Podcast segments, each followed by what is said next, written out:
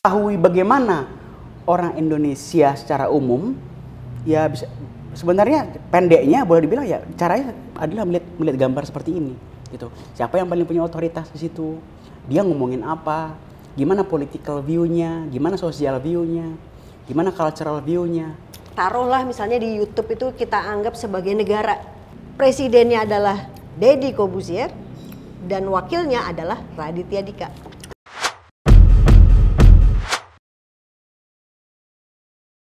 Masih penasaran deh sama jagat hmm, yang tadi YouTube ya yang tadi tuh. Taruhlah misalnya di YouTube itu kita anggap sebagai negara. Artinya yang punya otoritas paling gede kita anggaplah rajanya. Hmm. Presiden lah, raja lah, apalah, sultan Raja. lah ya, sumber otoritas sumber otoritas. Lalu yang nomor dua paling gede, nomor duanya adalah itu adalah wakilnya. Gitu. Nah, kalau dilihat dari gambarnya tadi, berarti presidennya adalah Deddy Kobusier dan wakilnya adalah Raditya Dika. Nah, ya kan? tampaknya begitu. Tampaknya gitu kan? Nah, tampaknya begitu. berarti ada beberapa kandidat sih. Ada juga Najwa Shihab. Oh, agak mirip-mirip. Sama Den JC agak mirip-mirip. Oh itu yang tiga orang Mahapati lah Mahapati, oke.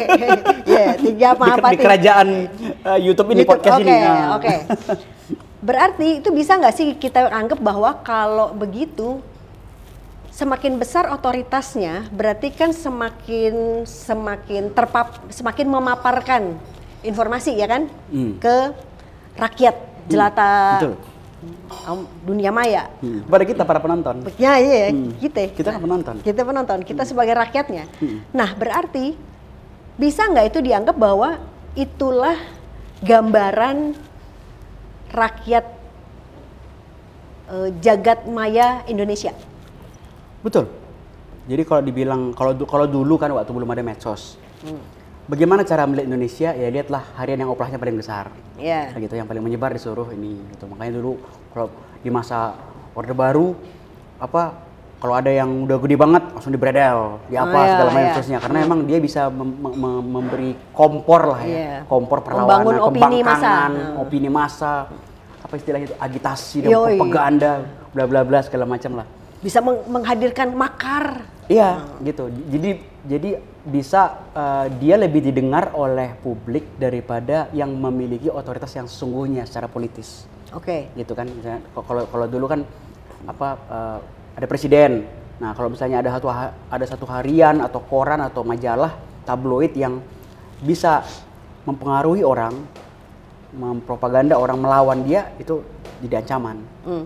ya di, mesti di mesti dilawan mesti di dibredel. Nah dalam konteks ini pun seperti itu gitu. Cuman bedanya bedanya kalau dulu itu kalau kalau media kan media konvensional zaman dulu kan ada model yang besar tuh Hmm. kan model modelnya besar apa namanya dia dia harus punya mesin cetak dia punya harus punya channel distribusi segala macam dan seterusnya dan dan segala, dan segala macam kalau sekarang enggak gitu bermodalkan kuota yang makin murah setiap Iya, hari Iya, iya.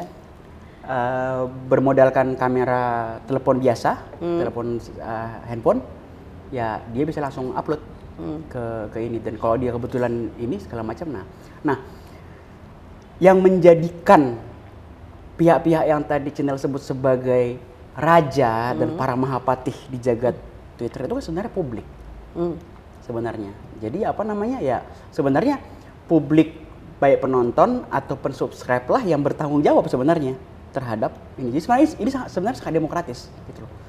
Hmm. Kegelisahan yang mungkin muncul kayak channel bilang wah ini apa bisa bisa bisa berbahaya segala macam seterusnya ya sebenarnya ya itu kita harus ber apa ya kita sebagai penikmat media sosial kita sebagai penikmat podcast itu eh, publik itu harus berhenti me, apa membikin orang yang tak kompeten menjadi terkenal Kenal, oh ya. itu harus berhenti itu harus berhenti jadi apa namanya ya eh, apa kita sih mungkin kalau dalam perspektif netral saya ya ini apa kebetulan orang-orangnya emang orang-orang yang cukup prominent lah gitu ya. Kayak jadi bisa emang merebut tadi saya sebut merebut hati para Rakyat.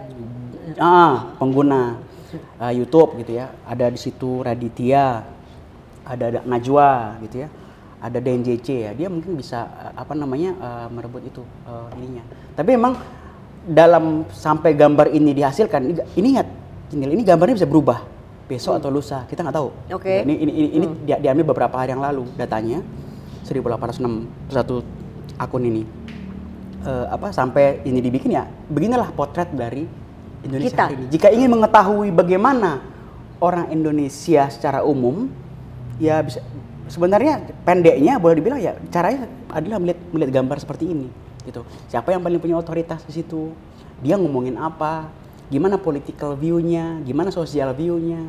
Gimana cultural view-nya? Ya itulah yang yang kemudian apa namanya eh, menentukan. Karena apa? Kalau misalnya karena misalnya rajanya tadi siapa ini? Si, eh, rajanya yang yang paling sentral, yang paling tinggi otoritasnya di sini misalnya dia bereksperimen gitu dengan mem- membuat sebuah pemikiran yang counter intuitif dari penontonnya. Counter intuitif adalah Yang beda dari common sense, Oh, da- beda dari pandangan pandangan dan nilai-nilai umum. Ya dia bisa ditinggalin sama pemirsanya, sama subscribernya gitu. Orang bisa bisa unsubscribe, bahkan bisa mereport Hmm. gitu kalau misalnya dia tersinggung atau apa segala macam seterusnya. Jadi eh, pada akhirnya apa istilahnya ya? Dia apa istilahnya kalau apa namanya positif feedback. Jadi apa namanya? Dia makin besar makin besar Oh, iya, gitu. gulung. Jadi, ah, jadi justru untuk mempertahankan nah, da- dalam perspektif raja-raja di sini, Ya. untuk mempertahankan otoritasku, aku harus tahu orang tuh pengen dengar apa Hmm. gitu. Jadi pertama mungkin dia eh, apa apa berusaha merebut maunya orang, dapatlah. Tapi kemudian dia menjadi berpikir supaya aku tetap di sini, supaya patih-patih ini tidak merebut kekuasaanku, Iya. aku harus cari apa yang orang mau dengar. Gitu. Apa kontroversi-kontroversi, polemik-polemik yang orang mau dengar. Karena kalau nanti patihnya malah lebih banyak eh, yang yang bikin kontroversi, bikin apa sensasi segala macam, orang akan akan ke Pindah. dia. Ha, ke dia. Nah, ini yang Ada ini yang suksesi mungkin di- jadinya ya? Ya, ini yang mungkin disebut sebagai oligarki tadi. Kalau misalnya disebut Hmm. sebagai oligarki. Jadi apa apa memang pada akhirnya ketika kita sudah merebut sesuatu itu kita ingin pertahankan. Hmm. Ya, caranya adalah ya dia ini. Nah, akibatnya, akibat makronya adalah ini menjadi gambaran apa dan seperti apa social value dan social view dari publik Indonesia hari ini. Oke, jadi kan kalau kalau kan ad- eh, bahwa yang namanya selera itu kan dibentuk Hmm. oleh lingkungan kan. Selera itu dibentuk oleh eh, tontonan. Hmm. Artinya Selera dibentuk oleh kuota. orang kuota. yoi, yoi. Kuota lo habis lo selera lo Hilang. hilang lo. Offline dah. Offline. Jadi maksudnya gini, kan kalau selera lo dibentuk oleh oleh tontonan, artinya em, sementara si si pembuat konten itu nyari tahu si kan bolak-balik aja kan berarti kan, bolak-balik. Sehingga mungkin nggak bahwa ya udah kan berarti kan ini kalau lo yang lo uber adalah nih udah ngomong kapitalis berarti kan? Yang Tuhannya duit kan berarti? Kalau Tuhannya duit berarti nilai-nilai itu menjadi sangat-sangat relatif. Jadi lo bahwa si orang Indonesia ini eh, termasuk tontonan televisi itu kan memang jadi sesuatu yang menurut gua jadi jadi receh Kalau kebetulan receh. Kalau kebetulan bagus ya bagus. Ya, nah tinggal di- kita define aja deh yang namanya receh apaan gitu. Receh itu kan sesuatu yang tidak dalam. Sekarang taruhlah si uh, patih-patih yang lain ini, Hmm. kan ada Najwa, Najwa dalam. Hmm, ya, Iya betul. kan? Hmm. Ada Najwa, Ada Najwa. ada Raditya Dika, Raditya Dika, oh, ya oke lah Radit, walaupun nggak bisa dibandingin sama Ada Helmi Yahya juga, Helmi Yahya, termasuk juga itu. Dia patih se- mendekati patih apa wakilnya patih? Mungkin wakil patih wakil mungkin patih di- ya, di masih wakil, ini. masih wakil patih lah Iya. gitu. Nah, berarti yang punya yang punya kedalaman yang menurut gue nggak receh, yang punya kedalaman itu dia nggak akan pernah muncul di permukaan dong. Nggak akan pernah bisa jadi presiden dia Di jagat ini. di jagat ini. Iya, dia harus eh, merebut simpati dari para subscriber. Bikin sesuatu yang sensasional agar agar orang ngelihat Nah, itu ber- secara terus menerus. Itu yang berbahaya kan? Nah. Nah, itu yang itu yang disayangkan juga karena ada selain istilah kan demi konten Iya. apa pun gue lakukan. ini yang berbahaya. Mandi lumpur lah ya itu. Ah, mandi lumpur jadi segala, segala macam lah, bernapas dalam lumpur kayak film, film, film Indonesia tahun 70-an ya. Iya, iya. Iya. Jadi memang memang memang memang jadi begitu ya. Demi uh, itu juga uh, satu hal PR dampak offline dari situasi sphere online ini memang gitu. Jadi kadang-kadang demi mempertahankan uh, apa namanya sensasi dia dan uh, otoritas dia, ya dia akan rela melakukan apa pun gitu. Kenapa? Karena ada iming-iming juga. Ini monetisasi. Hmm. Jadi ini sebenarnya dibilang dibilang YouTube Sphere ini sebagai YouTube yang apa namanya semua orang di, uh, apa sama sebenarnya nggak juga pada akhirnya gitu. Jadi uh, pada akhirnya ya uh, si uh, pembuat konten harus mengampu apa maunya yang mensubscribe Hmm. dia. Gitu. Udah kadung jadi Mahapati dan para raja di sini ya ya dia harus berpikir seperti itu supaya dia tetap di situ. Karena kalau enggak risikonya adalah dia akan turun otoritasnya subscribernya juga jadi makin tidak memperhatikan, tidak ada engagement ke dia dan segala macam dan seterusnya. Kemudian dia menjadi tidak makin otoritas dan akibatnya adalah kantong makin tipis Nah, karena iya. tidak berhasil mendapatkan monetisasinya. Itu semua terjadi kayak gini kan yang jadi concern gue adalah bahwa ini adalah potret Indonesia. Hmm. Bahwa potret Indonesia itu ya sukanya yang gitu deh gitu. Bahwa ini orang para eh, para bukan ya para pemilik-pemilik kanal yang ada di semesta semesta YouTube ini kan selalu bilang ah gue udah meninggalin TV ah gitu karena TV itu udah nggak asik karena TV itu penuh aturan karena TV itu ini TV itu itu tapi sebetulnya mereka lakukan sama aja Emang? Iya kan? Iya. Cuman bedanya adalah kalau di TV lo dapatnya honor, kalau di sini lo dapat duitnya lebih gede. Ya. Ya kan kira-kira gitu. Ya. Intinya mah sama aja, lo ngerusak Indonesia juga. Potret eh, sebuah negara negara Dal- eh, negara tuh dalam artian adalah orang-orang di sebuah negara yang nonton YouTube itu akan terlihat dari tontonannya Iya. itu berlaku bahwa kalau sekarang ini kan yang yang si yang juara-juara itu kan ya yang si rajanya adalah Si Deddy. Corbuzier, Hmm. patihnya adalah Raditya Dika, Najwa Shihab sama Den JC. Yang kira-kira nggak tipikal sih itu, tapi sesuatu yang yang s- simple dan lucu. Apakah itu juga ber- itu juga terjadi di di seluruh dunia? Iya, ini ini bukan PR Indonesia. Ini PR kemanusiaan kita sebenarnya. Gitu. Hmm. Jadi apa? Jadi memang nggak cuma di Indonesia, mungkin ada orang beranggapan bahwa ih kenapa sih eh, akun yang receh eh, kok diikuti banyak orang banget, j- jadi penentu apa tadi selera segala Iya. macam seterusnya. Itu ke- kegelisahan itu nggak cuman nggak cuman di Indonesia kok. Jadi di seluruh dunia banyak banyak banyak banyak akun-akun yang udah jelas-jelas nyebarin hoax gitu ya. Hmm. Udah jelas-jelas misi misinformasi. Udah jelas-jelas anti science, anti ilmu pengetahuan. itu malah blue apa booming, bombastis segala macam uh, orang yang mengikuti dan segala macam. Jadi emang memang ini persoalan emang apa namanya uh, persoalan persoalan di, di seluruh di seluruh negara, di seluruh dunia. Bahkan mungkin tanpa kita sadar atau nggak sadar ya mungkin juga persoalan di pemilik medsos pemilik uh, platformnya. Dia di kalangan YouTube saya yakin udah ada diskusi-diskusi di di belakang di belakang apa YouTube itu ini yang membahas ini.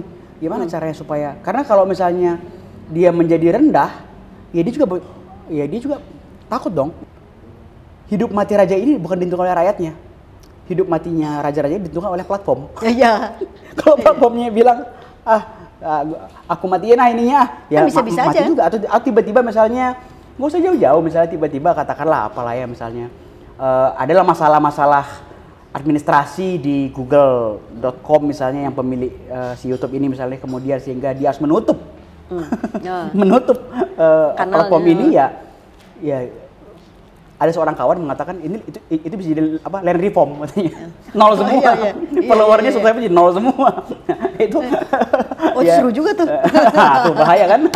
Itu bahaya. Seru juga tuh. Indonesia hari ini karena sekarang kan bahkan bahkan kita lihat ya apa namanya akun-akun media TV TV online pun eh, jauh otoritasnya di bawah di bawah ini. Meskipun katakanlah mungkin followernya subscribernya banyak gitu tapi dia otoritasnya sebenarnya lebih kecil yaitu menunjukkan bahwa ya inilah peta Indonesia hari ini gitu. kalau mau lihat Indonesia hari ini lihatlah akun-akun yang sangat otoritas bacalah kontennya seperti apa gimana dia ya itulah potret eh, kognitif kolektifnya orang Oke. Indonesia hari ini. Balik ke itu, balik ke YouTube Sphere, jagat jagat. YouTube tadi. Kan tadi tuh ada raja, ada patih, ada menterinya dong. Hmm, ada Menteri Pendidikan. Ada menteri Zona pendidikan. tutorial. Ah, menteri pendidikan tuh ada di mana tuh menteri pendidikan tuh? Kan tut- tutorial mungkin Tutorial, ya. ya, ya, tutorial, ya, mungkin ya. tutorial mungkin. Di situ ada ada macam-macam tuh. Eh, eh, ini mungkin mungkin juga ini apa Menteri Dalam Negeri mungkin dan dan JC mungkin ya. Ah. Ya, Gimana cara memakai menggunakan YouTube yang lebih efektif, efisien, banyak follower dan segala macam. Itu ya gitulah. Menteri Agama. Ah, ada nih di- teman kita ada tuh kayaknya mau ngebahas tuh menteri agama. siapa teman kita yang membuat Menteri Agama? Tadi tadi lo ngebahas lo menteri agama lo. Siapa tuh menteri Eh, siapa menurut lo menteri agama nih kalau dijagat beginian nih? Tuh di gambar tuh. Ada di gambar. Di Hidayat gitu. Adi Hidayat Official. Ya, ada ada yang besar banget di sini kan. Oke. Eh, kalau di klaster yang bicara soal agama itu ada ada ada Adi Hidayat Official itu paling besar. Hmm. Ini yang menarik klaster ini gitu. Jadi apa di sini banyak banyak akun-akun yang sifatnya apa namanya eh, dakwah ya. Hmm. Ada eh, ngaji cerdas, ada Hmm. Ismail Persatullah, ada Khalid Basalama official gitu. Nah, yang benar ada Felix Yao, Hmm. ada Al Bajah. Yang menarik di sini ada akun-akun yang sebenarnya dia tidak tidak tidak berdakwah tapi dekat Oh, Contohnya bahkan politik. Contohnya kayak misalnya Indonesian Lawyers Club. Dia Oh. dia eh, apa kemudian dekat sama klaster dakwah tersebut. Terus kayak misalnya ada Rocky Gerung official hmm. gitu. Dia dia dia dekat dengan eh, anu di klaster eh, dakwah itu. Nah, kalau kita lihat lagi lebih, lebih jauh, iseng-iseng gitu ya.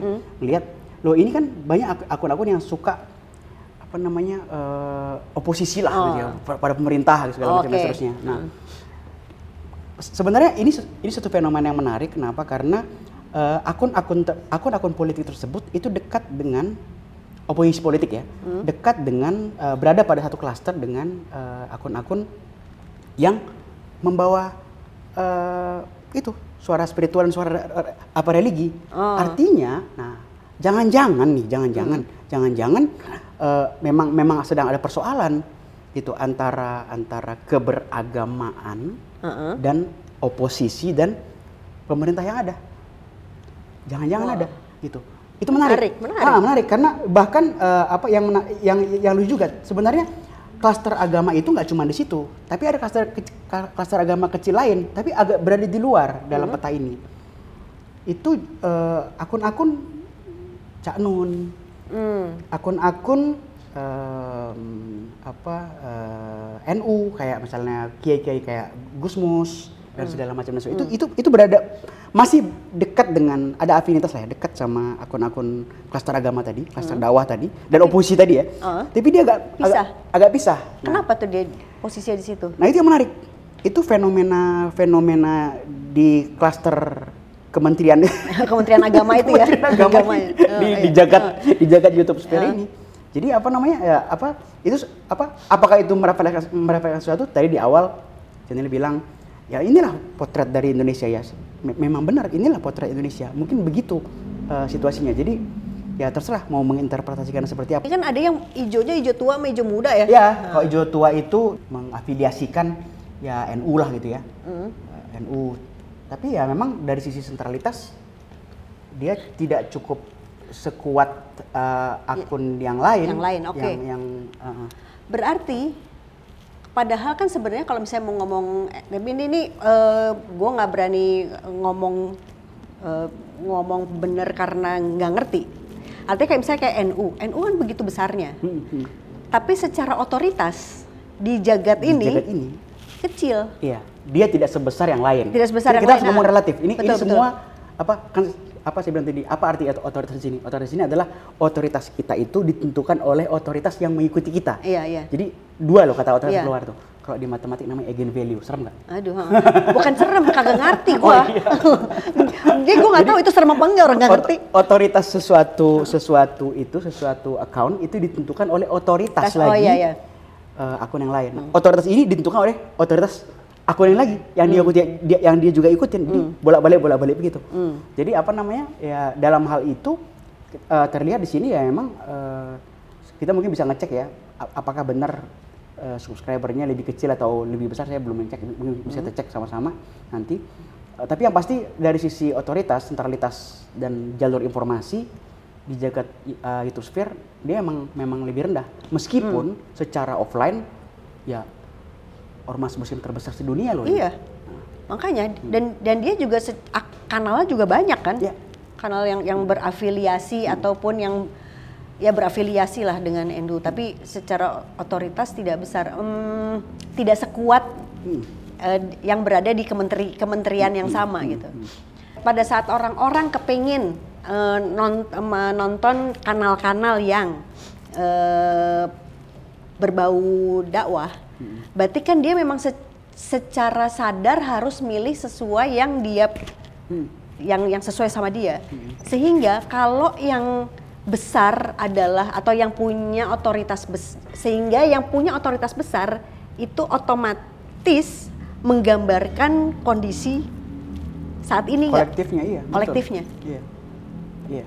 Betul itu. Banyak banyak cara bagaimana membuat sesuatu itu menjadi tercluster gitu.